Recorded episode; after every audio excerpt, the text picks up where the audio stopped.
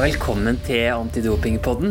Jeg heter Gjermund Erikstein Midtbø, og med meg i podkaststudio så har jeg orienteringsløper og utøverkontakt her i Antidoping Norge. Anne Margrethe Hauske Nordberg, velkommen til deg. Takk. Du, I dag så har vi med oss en av dagens største utøvere her, og en av gårsdagens. Bente Skari og Tarjei Bø skal vi snakke med i dag. Og vi skal bl.a. snakke om hvordan det er å konkurrere mot dopingtatte utøvere. Anne Margrethe, hvordan, forventninger har du til, til, dagens episode å høre fra Tarjei og Bente? Ja, jeg, En del utøvere velger jo ofte å svare at de fokuserer ikke på det her med at andre konkurrenter kan være dopa. For det, mentalt sett blir det mye vanskeligere å tenke at du skal slå dem. Eh, så jeg lurer litt på om det, det gjelder for disse to òg. Eh, samtidig så jeg er jo spent på hva de, hva de, er villige til å snakke om, for det er jo ganske touchy alt som har med, med doping å gjøre. Og man vil jo helst ikke kaste mistanke på konkurrenter, for det er en gang sånn at er du toppidrettsutøver, så er konkurrentene dine de er samtidig kollegaene dine. Og de ønsker du jo å ha et eh, normalt og helst godt forhold til, fordi ja, i en situasjon før konkurranse hvor du varmer opp og eh, kanskje møter disse disse du i verste fall mistenker for noe. Du, du skal helst ikke ha noe usnakka med dem, for det kan tror jeg, fort påvirke ditt eget fokus og din egen prestasjon. Da. Vi tar først turen ut til Nittedal og møter Bente Skari.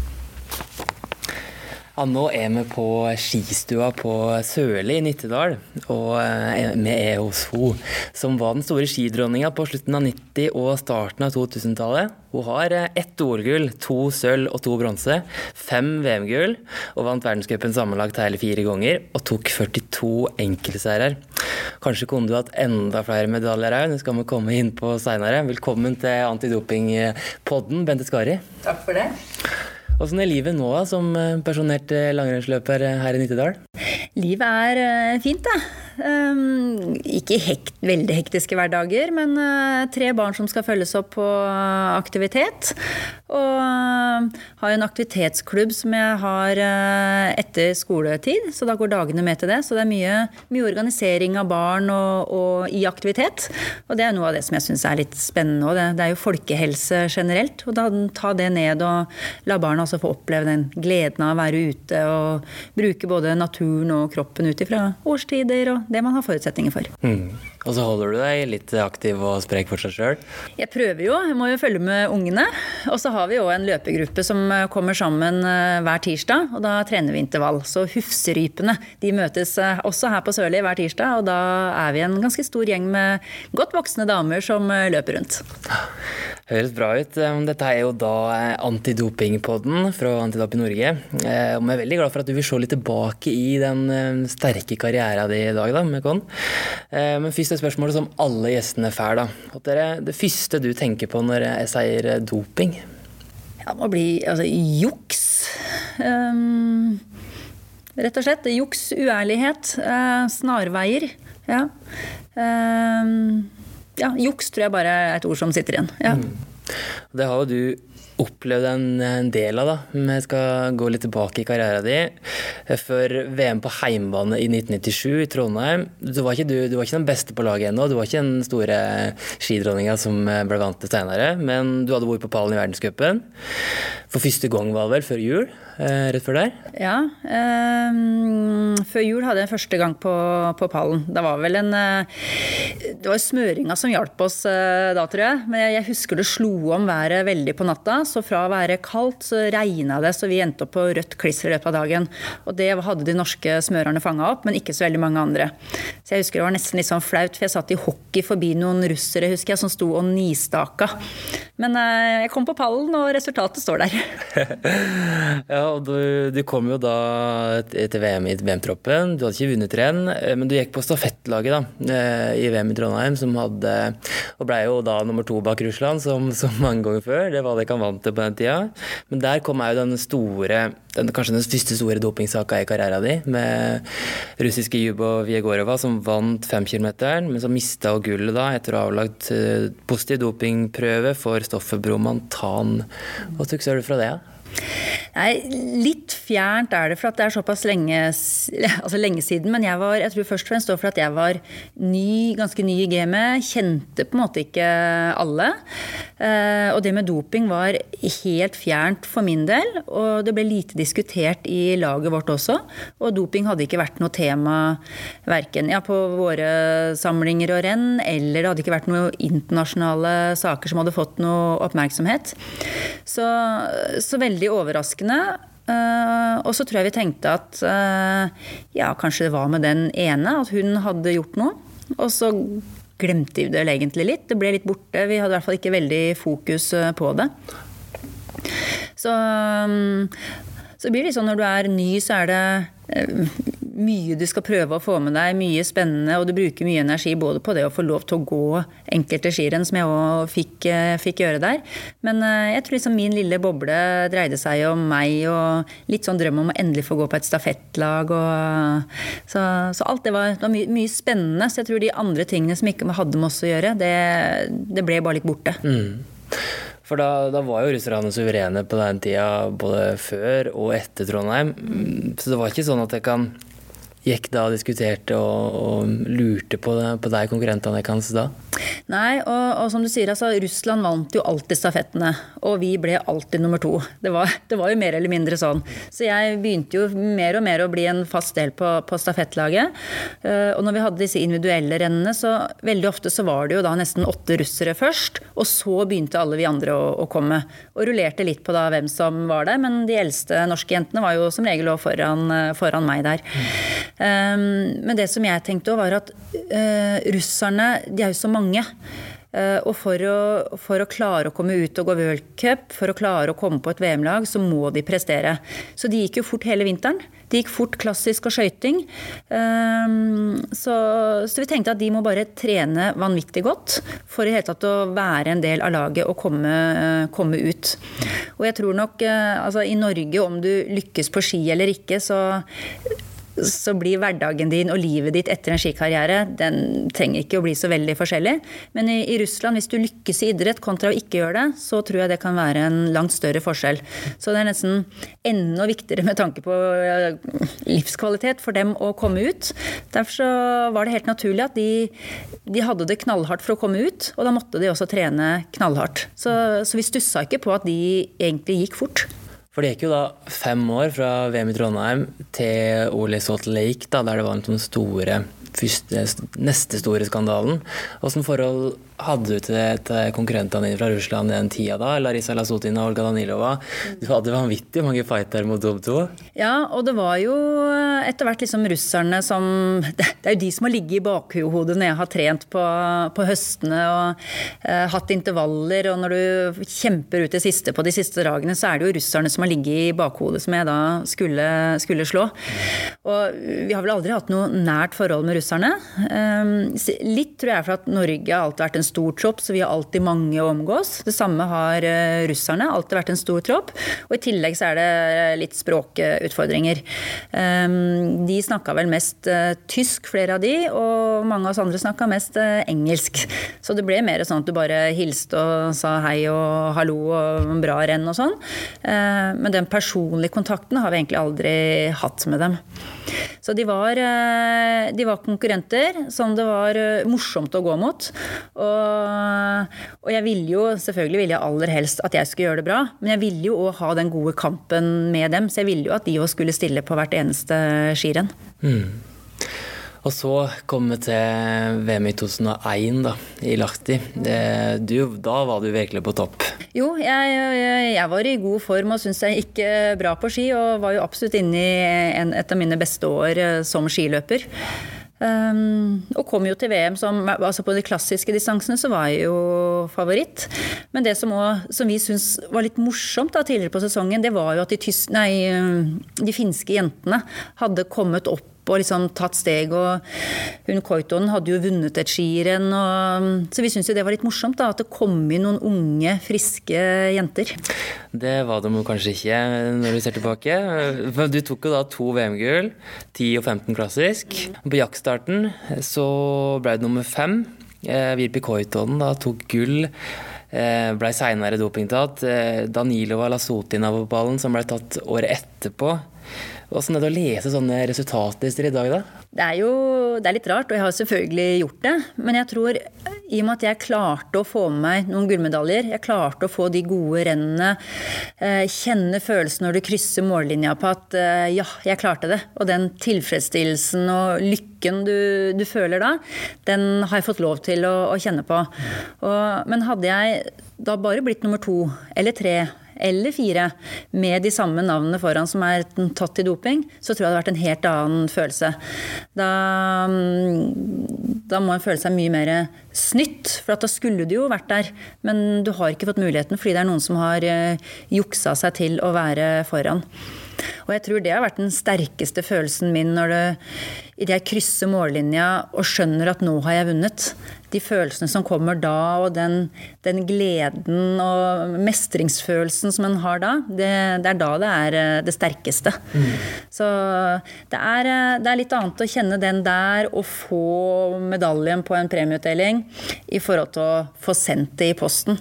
Det, er, eh, det kan ikke være samme følelsen, det.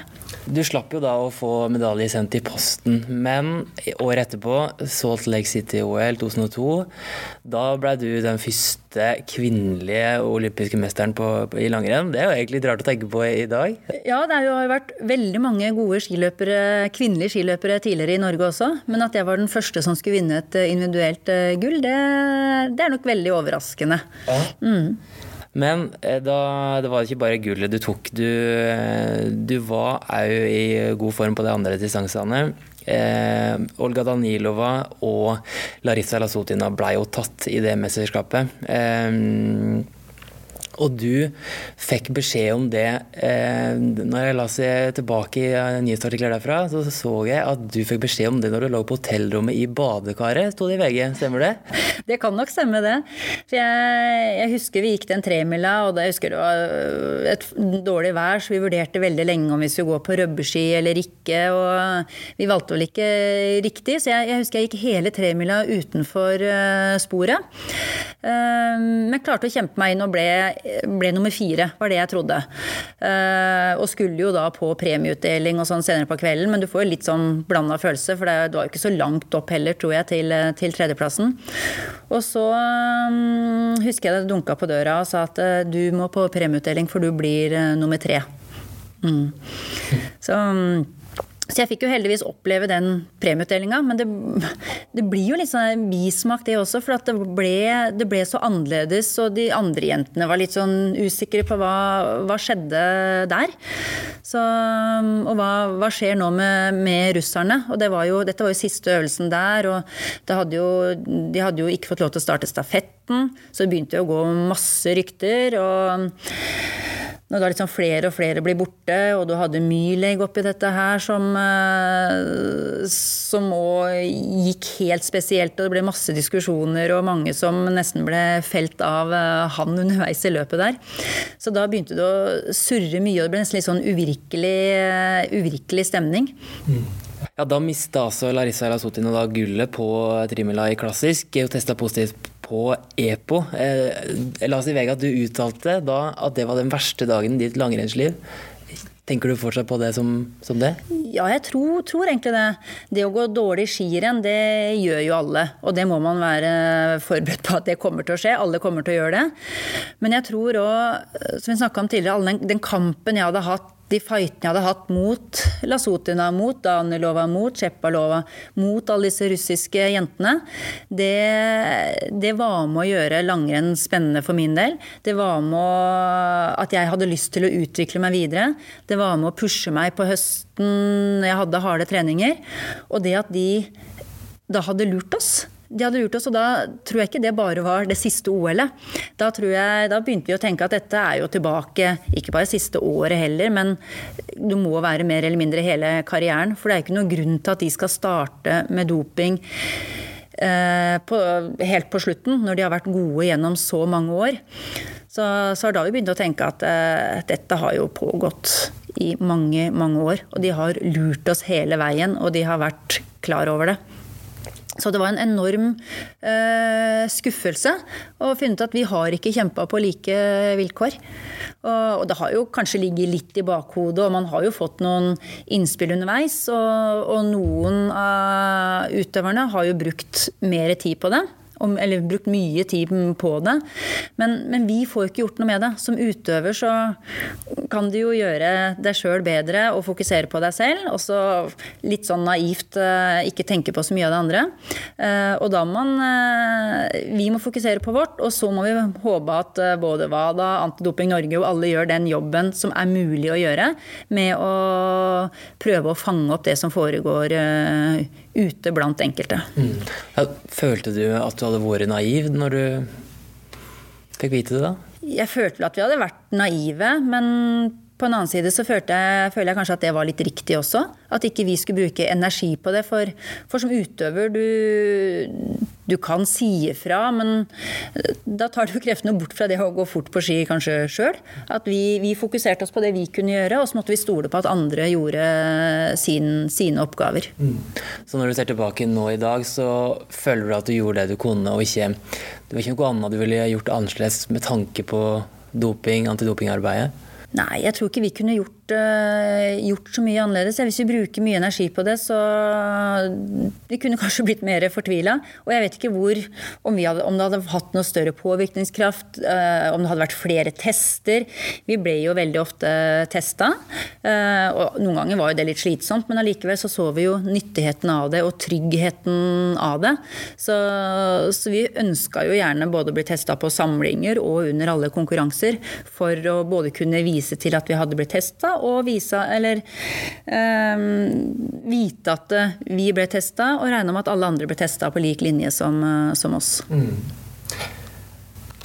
Um, mange snakker jo om 90-tallet som den perioden med mest doping i langrennssporten, og ja, ikke bare langrennssporten, i andre utholdenhetsidretter òg.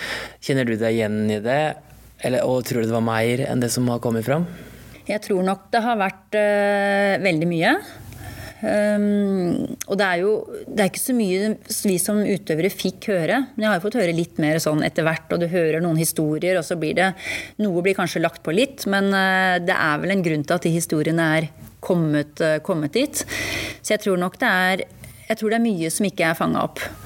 Ehm, så tror jeg det skjedde mye da fra slutten av 90-tallet, starten av 2000-tallet. Både med type tester, hva man kunne teste, hva man visste som foregikk. Så, så jeg tror det er betydelig bedre nå.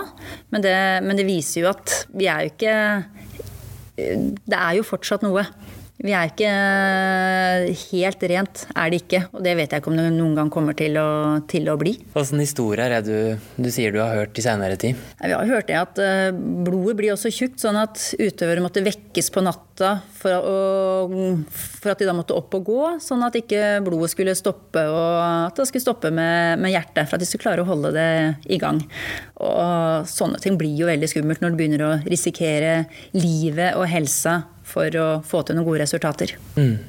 Det var jo òg et negativt fokus på, på Norge på, i karrieren din, med blodverdier. Det var granskingsprogram, dokumentarprogram fra Sverige og Finland som, som førte mistanke mot Norge og, og landslaget deres. Hvordan følte du på det?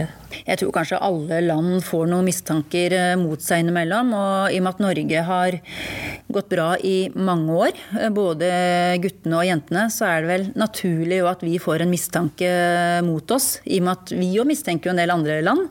Eh, og det har vært, det har vært mye.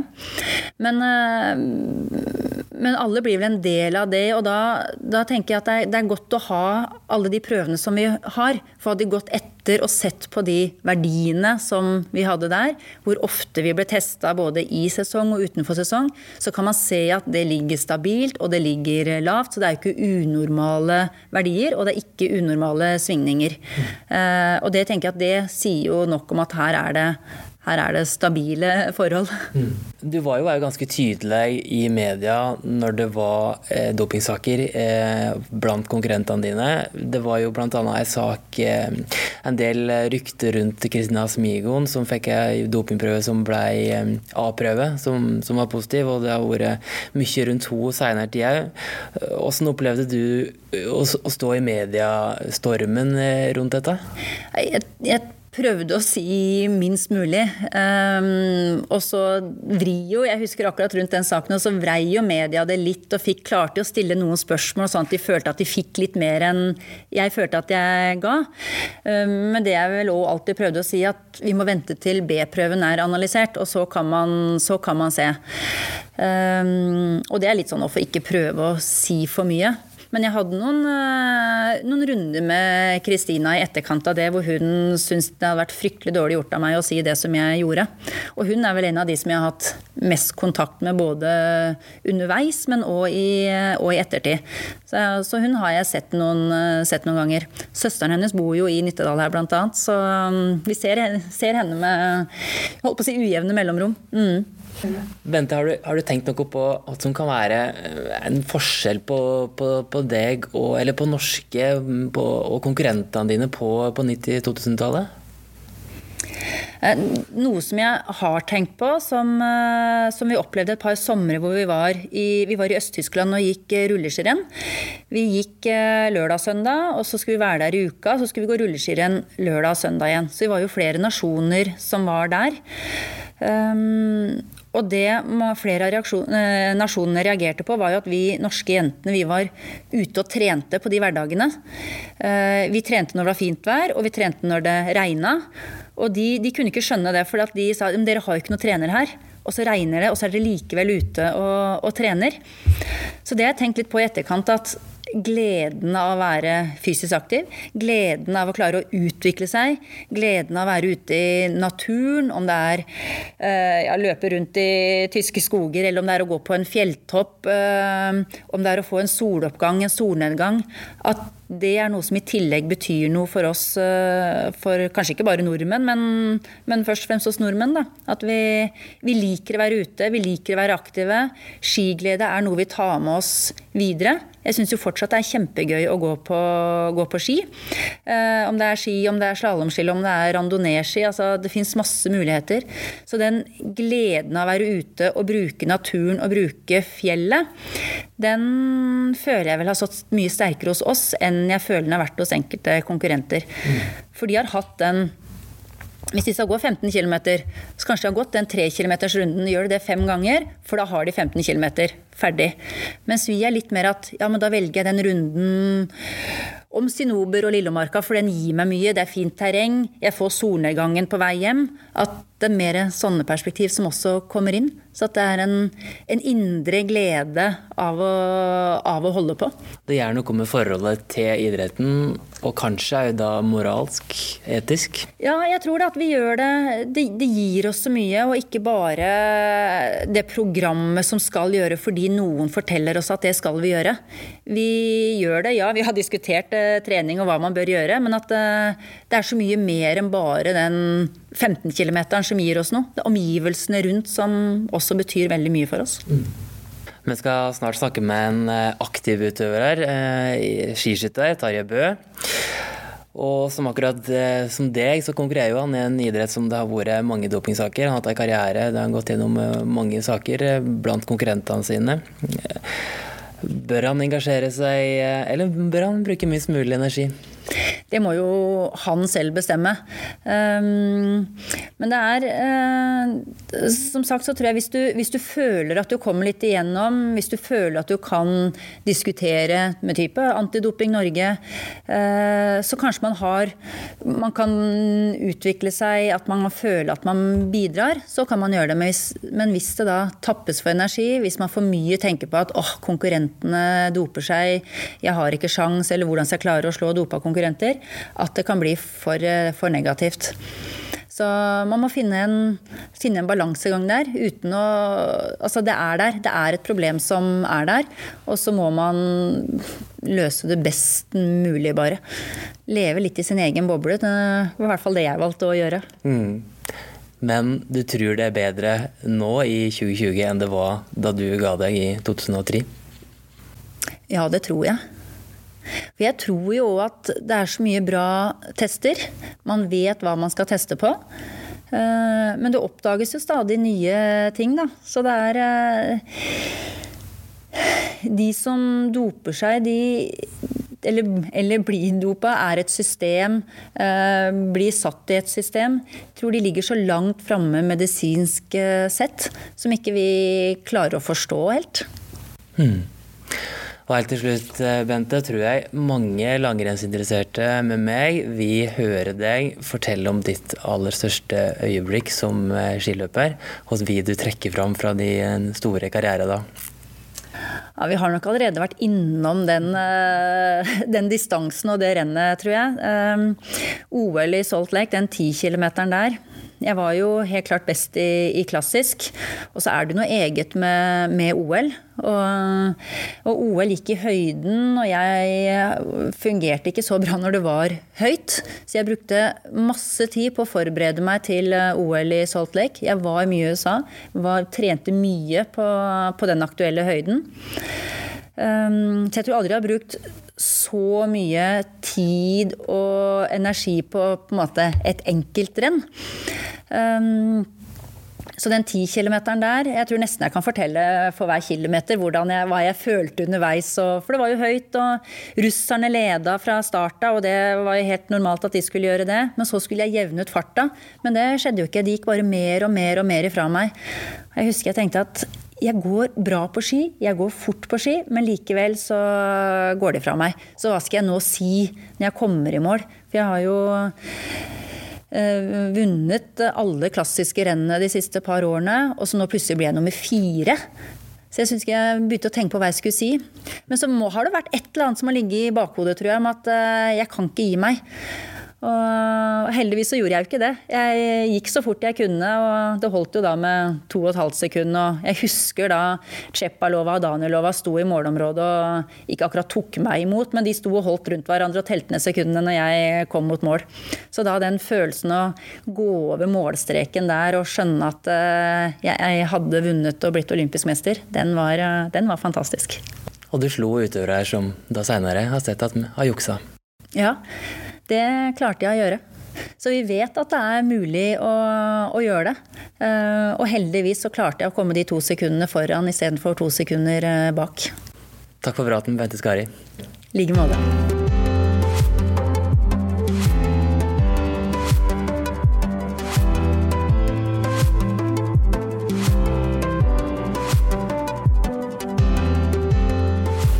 Der har vi bytta fra pensjonert skidronning til en av dagens største skiskytterstjerner. Han har ett OL-gull på stafett, to individuelle VM-gull og ti VM-gull til sammen. Sammenlagsseier i verdenscupen og ni individuelle seirer. Tarjei Bø, velkommen til Antidopingpodden. Tusen takk for det. Du, det er jo en rar tid som utøver om dagen, da. Eh, du rakk jo å gå et par renn med, uten publikum, og så ble Holmenkollen avlyst, og nå har du jo begynt på en sesongoppkjøring. Ja. Åssen er det å være skiskytter i koronaens tid, egentlig? Ja, vi, sånn Idrettsmessig så er vi vel en av de idrettene som eh, har vært mest synk med korona, egentlig. da. Hvis vi skal sammenligne oss med sommeridrettene, så syns jeg jo fryktelig synd på dem på alle, alle nivå. Eh, alt fra trening og at konkurransesesongen er satt på vent og at OL er utsatt, så, så fikk vi gjennomført både VM og alle verdenscuprundene unntatt ei helg. Så vi var veldig heldige. Eh, så jeg syns synd på de som har trent nå et halvt år eller et år inn mot, eh, mot sommer-OL og var skikkelig klar og i god form. Så er det vanskelig å stå på tå hev og skulle trene bra når du ikke veit når neste konkurranse er. Ja, så du blir ikke så påvirka sånn i kødagen nå, føler du? Nei, egentlig ikke. fordi den måneden vi har hatt eh, bak oss nå, da koronaen på en måte har herja mest med med ja, det sosiale livet og samfunnet ellers, så er det klart at det er jo vår feriemåned. April er jo vår hovedmåned med, med feriering. Eh, da er det mindre trening, da liker du å tenke på andre ting. Og, og gjerne du trener litt lystbetont, men det er ikke det som er hovedfokuset for dagen. Så det er klart at, at eh, koronaen har ikke ødelagt så masse trening. Det er vel heller eh, det sosiale som har ødelagt. Sånn som for, for vanlige mann i gata. Jeg hadde gleda meg til litt ferie. Jeg hadde gleda meg til å møte litt kamerater og, og, sånn som jeg ikke har sett. Og så har det blitt litt mindre av det. Ja. Men du, vi spør alle gjester et spørsmål i starten. Hva er det første du tenker på når jeg sier ordet doping? Jeg tenker jo på juks og, og, kanskje på det motsatte ordet. Jeg tenker på fair play, egentlig. Det, det er det som slår meg først. Eh, jeg føler at doping er liksom den største trusselen til, til toppidretten og til eh, spesielt underholdningsverdien. Fordi eh, spesielt i vårt samfunn så doping ødelegger for underholdningsaspektet og, og, og troverdigheten til det folk som ser på TV. Eh, så det er det jeg tenker først og fremst på. Fair play og, og vennskapet oss utøverne imellom. da. At når vi stiller på start, at, eh, at den beste skal vinne. Det er jo det eh, Det er derfor jeg holder på med idrett. For at det er en kamp mot klokka og en kamp mot hverandre mot å vinne. og da da er det fint med handa på hjertet at alle kan si at alle er reine, og den beste vant. Du, Akkurat som Bente Skari, som har snakka med tidligere i episoden, så har jo du konkurrert mot utøvere som seinere har blitt tatt i doping gjennom de karriere. Og det er jo da tema for denne episoden. Og du har vært i verdenscupen nå i over ti år, siden Vancouver-OL 2010 eh, sånn cirka. Eh, og du har jo opplevd mange dopingsaker, spesielt fra russiske konkurrenter. da. Og Har det prega deg som utøver, tenker du? Ja, det er, det, jo, det er umulig å ikke la seg påvirke av det. Jeg husker jo før jeg slo gjennom, så hadde jo det eh, skiskytinga den store skandalen i 2009 i, før VM i, i Pyeongchang. Eh, og det var jo, da var jeg jo på en måte juniorutøver og, og fikk jo det med meg. Så, så er det jo det som har blitt rulla opp rundt Sotsji, som på en måte har vært min karrieres eh, liksom dop, da, som jeg har kjent sjøl på, på, kroppen. Mm. Eh, og det er klart, skiskyting har jo hatt sine, sine tilfeller. Eh, samtidig så har vi jo Har det liksom du føler samtidig at det blir rydda opp i. da, eh, Og at du har straffa har De som fortjener straff, har fått, fått det de eh, fortjener til en viss grad. Og da, da er jo ofte toppidrettsutøverens haud skrudd i hop sånn at han ser videre. Det er jo kanskje det som eh, frustrerer og irriterer mange som ser oss utenfra. Når vi forholder oss til doping, så, så får vi kanskje ikke alltid fram det, det budskapet vi virkelig sitter inne med. Fordi spørsmåla eh, dukker opp, eh, mikrofonen dukker opp ofte på de dårlige tidspunktene for for å, snakke om det. Så da er det fint å ha en sånn podkast som det her, som du kan ha litt tid og ro til å forklare synet, synet har. Ja, For det er vanskelig å få de spørsmåla på de tidspunktene, kanskje? Ja, ofte så for en, en toppidrettsutøver, hvis jeg skal snakke litt sånn generelt, så, så tror jeg at altså, vi er veldig selektive med når vi, når vi bruker av energien vår. Og eh, jo større happeningen er, jo større skirenn er, eller jo større mesterskapet er, jo, jo mer eh, aktuelt er det at journalistene spør om de temaene. Eh, mens, mens, ofte er det jo da vi er mest fokusert på å prestere, mm. og, og, vi har minst uh, urolighet rundt forberedelsene til de viktige konkurransene. Mm. Mens når mesterskapet er over, tar vi gjerne imot så mange spørsmål vi, mm. vi, vi kan. Men da er det ingen journalister som, som uh, er interessert. Så det handler nok om søkelyset og spotlighten òg. At når, mm. når lyskasteren lyser, da er det da spørsmålene blir stilt, og da, da er det ofte en utøvers valg, rett og slett. Og skal du gå ut i stormen og, og, og svare, eller skal du, skal du holde fokus på morgendagens konkurranse, f.eks. Um, ehm, og det er jo en kamp som uh, det ikke er to streker under svaret på. For det er jo det er viktig å si hva en mener, og stå opp for, um, for idretten sin. Uh, samtidig så, så må en òg uh, eh, sørge for at en bruker energien sin rett, og at en da kan ta de diskusjonene når, eh, når eh, de viktige konkurransene og eh, de viktigste løpene er over. For I VM i, i vinter, da, så, i Anterselva, så gikk jo du ganske hardt ut mot Alexander Loginov, som er tidligere utestengt utøver. Slike utspill, har du, liksom, har du vurdert det som vanskelig før? Eller har du, hvordan følte du på det da? Ja, det er, litt, det er litt som jeg nettopp sa, at det spørsmålet dukker ofte opp på de tidspunktene da du, du, du velger å, å, svare litt nøkternt på det. Eh, for det er alltid rett før du går til start. Det er alltid eh, kvelden før du skal ut i ditt viktigste skirenn for sesongen. Eh, og så tror jeg journalistene da da vet at det nå trykket er som størst på skiskytinga, i mitt tilfelle. Og det er da de største overskriftene vil komme. Og da vil de òg ha de kvasseste uttalelsene. Eh, og det er vel da vi har hatt eh, ja, en, en, sånn, det som jeg vil kalle toppidrettskulturer. At der og da, den veka der, når det er mesterskap, da, da får ikke du gjort noe med Eh, all fortid, alt som har skjedd, all, all, politikk, alle spørsmål som henger i lufta. Der og da så, så må jo du ta ansvar for uh, dine prestasjoner. Uh, og, og, prøve å få ut ditt beste. Og så må man kunne ta de politiske diskusjonene når, når uh, mesterskapet er over. Og det er vel kanskje det jeg har savna litt. at Hvorfor ikke ta de diskusjonene etter sesongslutt, eller mm i sommeren, på høsten, før, før sesongen eh, setter i gang. Fordi vi, vi, snakker gjerne om det, og jeg tror folk får veldig godt med seg hva, hva som er holdninga vår til, eh, til, doping og antidoping. Mm. Og konkurrenten din, eh, svenske Sebastian Samuelsson, han har jo virkelig markert seg i dette arbeidet de siste åra. Og han fikk jo en pris på den svenske idrettsgallaen i vinter. Og da var du en av dem som hylla han da i, i forkant av den utdelinga. Eh, hvorfor er han viktig for skiskyting, tenker du?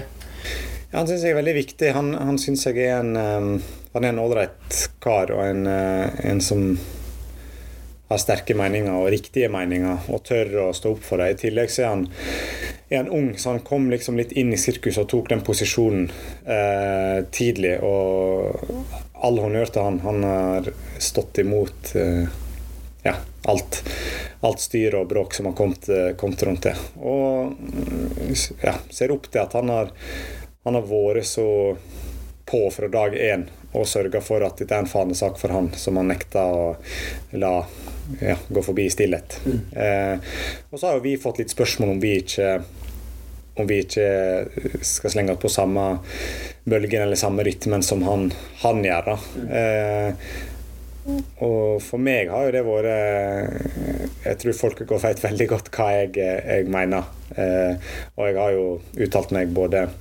nøytralt og veldig, veldig skarpt egentlig gjennom både forrige sesong og tidligere. Men Eh, vi har nok vært på vårt lag litt mer selektive, som jeg sa i stad, med, med, litt sånn energilekkasjer og, og prøve å, å, holde fortet for å holde prestasjonene oppe. Og så um, har vi hatt bra sportslig suksess med det. For En kan jo snu litt på, på saken. Hva er den beste måten å bekjempe eh, folk som jukser eller bekjempe doping på? Og det er jo å prestere. Det er jo å slå dem og vise at en kan vinne med at den er ren. Eh, så det er òg viktig oppe i sånne politiske diskusjoner eh, rett før viktige konkurranser at en kanskje bruker energien sin på å prøve å vinne, vinne, den konkurransen. Fordi det er jo den beste reklamen for ren idrett. Mm. At de rene utøverne står på ballen. Mm.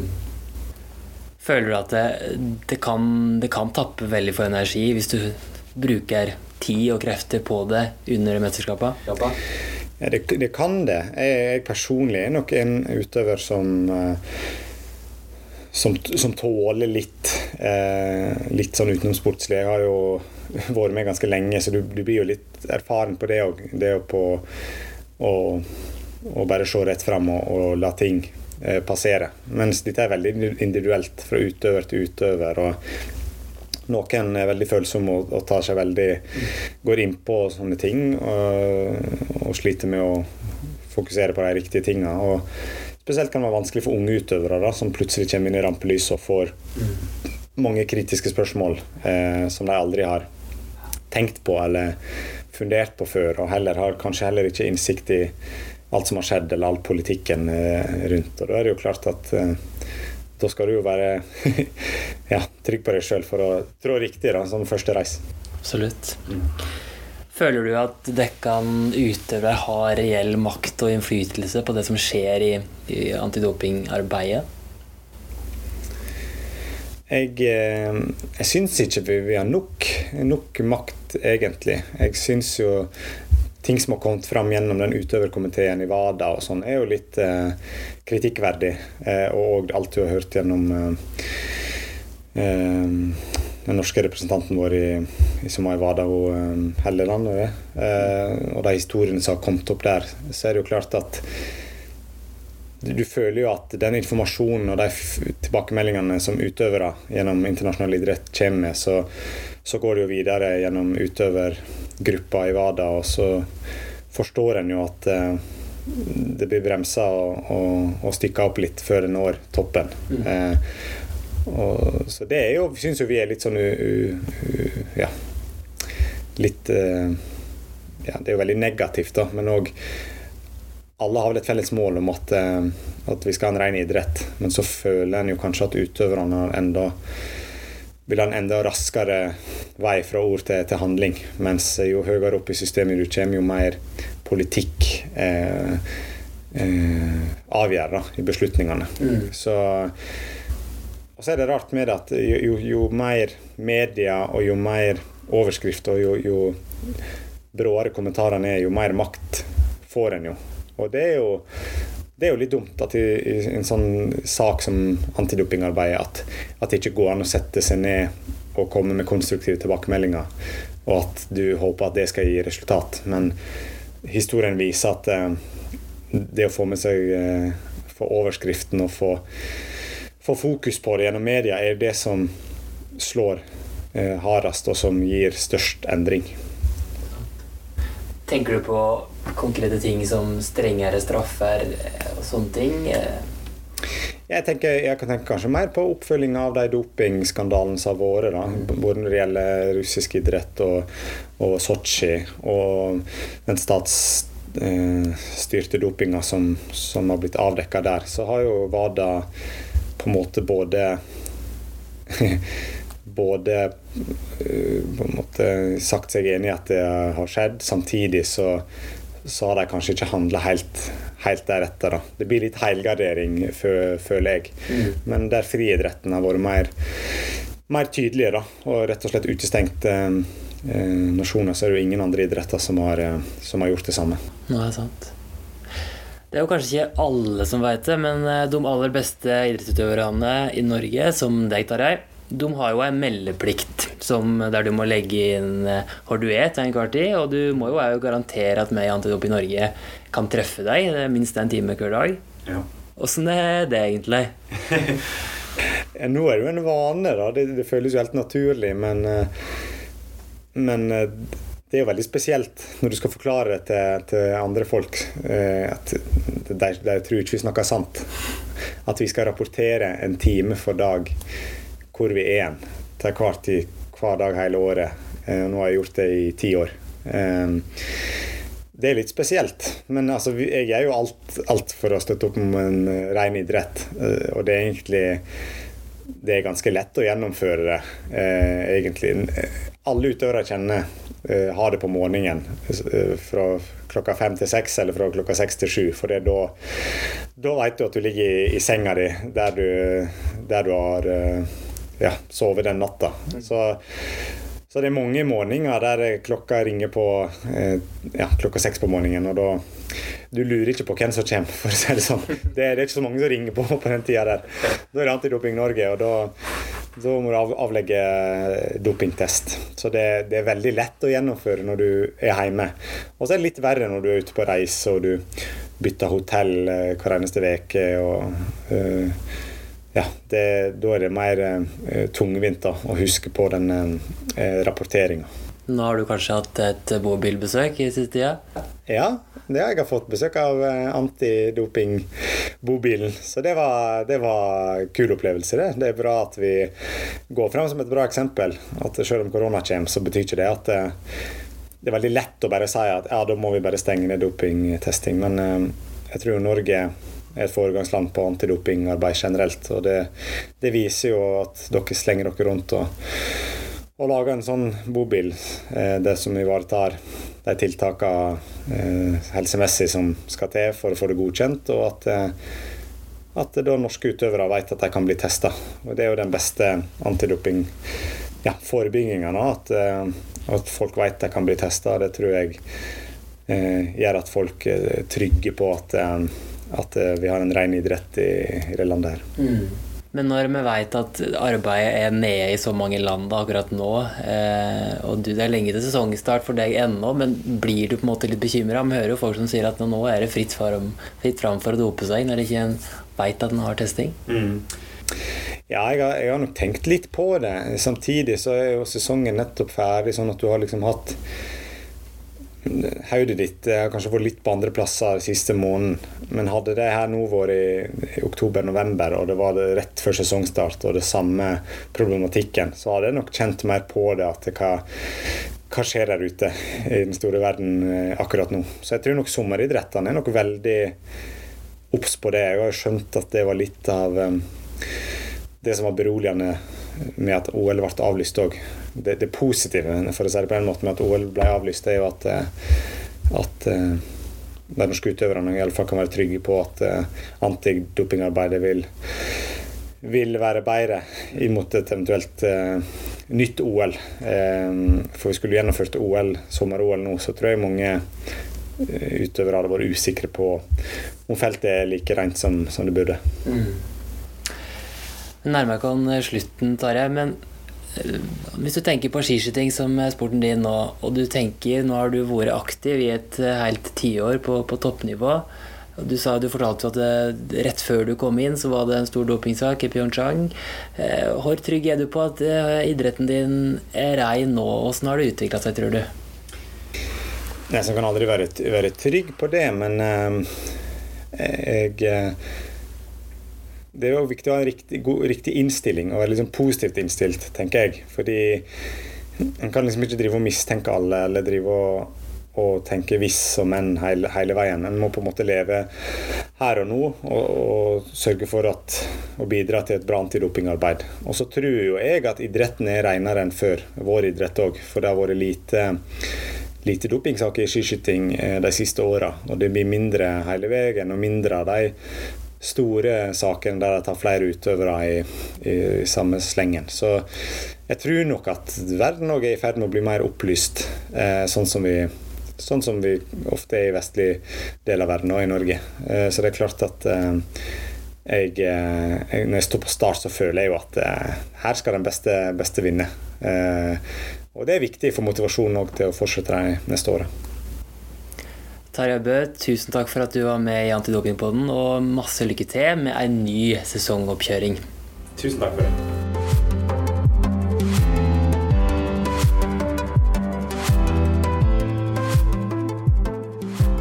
Ja, det var jo veldig mange gode, kloke ord fra både Tarjei nå til slutt og Bente Skari tidligere i episoden. Anne Margrethe, du sitter fortsatt i podkaststudio her på Ullevål stadion. Og sitter du igjen med etter å ha hørt disse utøverne å prate om doping? Jeg syns det er kjempebra at vi har utøvere som tør å prate om doping. Eh, kanskje er det sånn at utøverne har større innflytelse enn de tror på dette området, eh, men, men da må de tørre å bruke stemmen sin. Og eh, Drømmen min er jo at mange utøvere skal tørre å gjøre det. det. det. er jo ikke å forvente at de skal sette seg inn i detaljer rundt uh, internasjonalt antidopingarbeid, for det er komplisert. Men, uh, men, jeg er helt sikker på at de har noen meninger. Uh, og gjerne tør å svare neste gang media spør. Da, da blir iallfall jeg veldig glad. Takk for at du hørte på Antidopingpodden. Flere episoder finner du der du hører på podkast.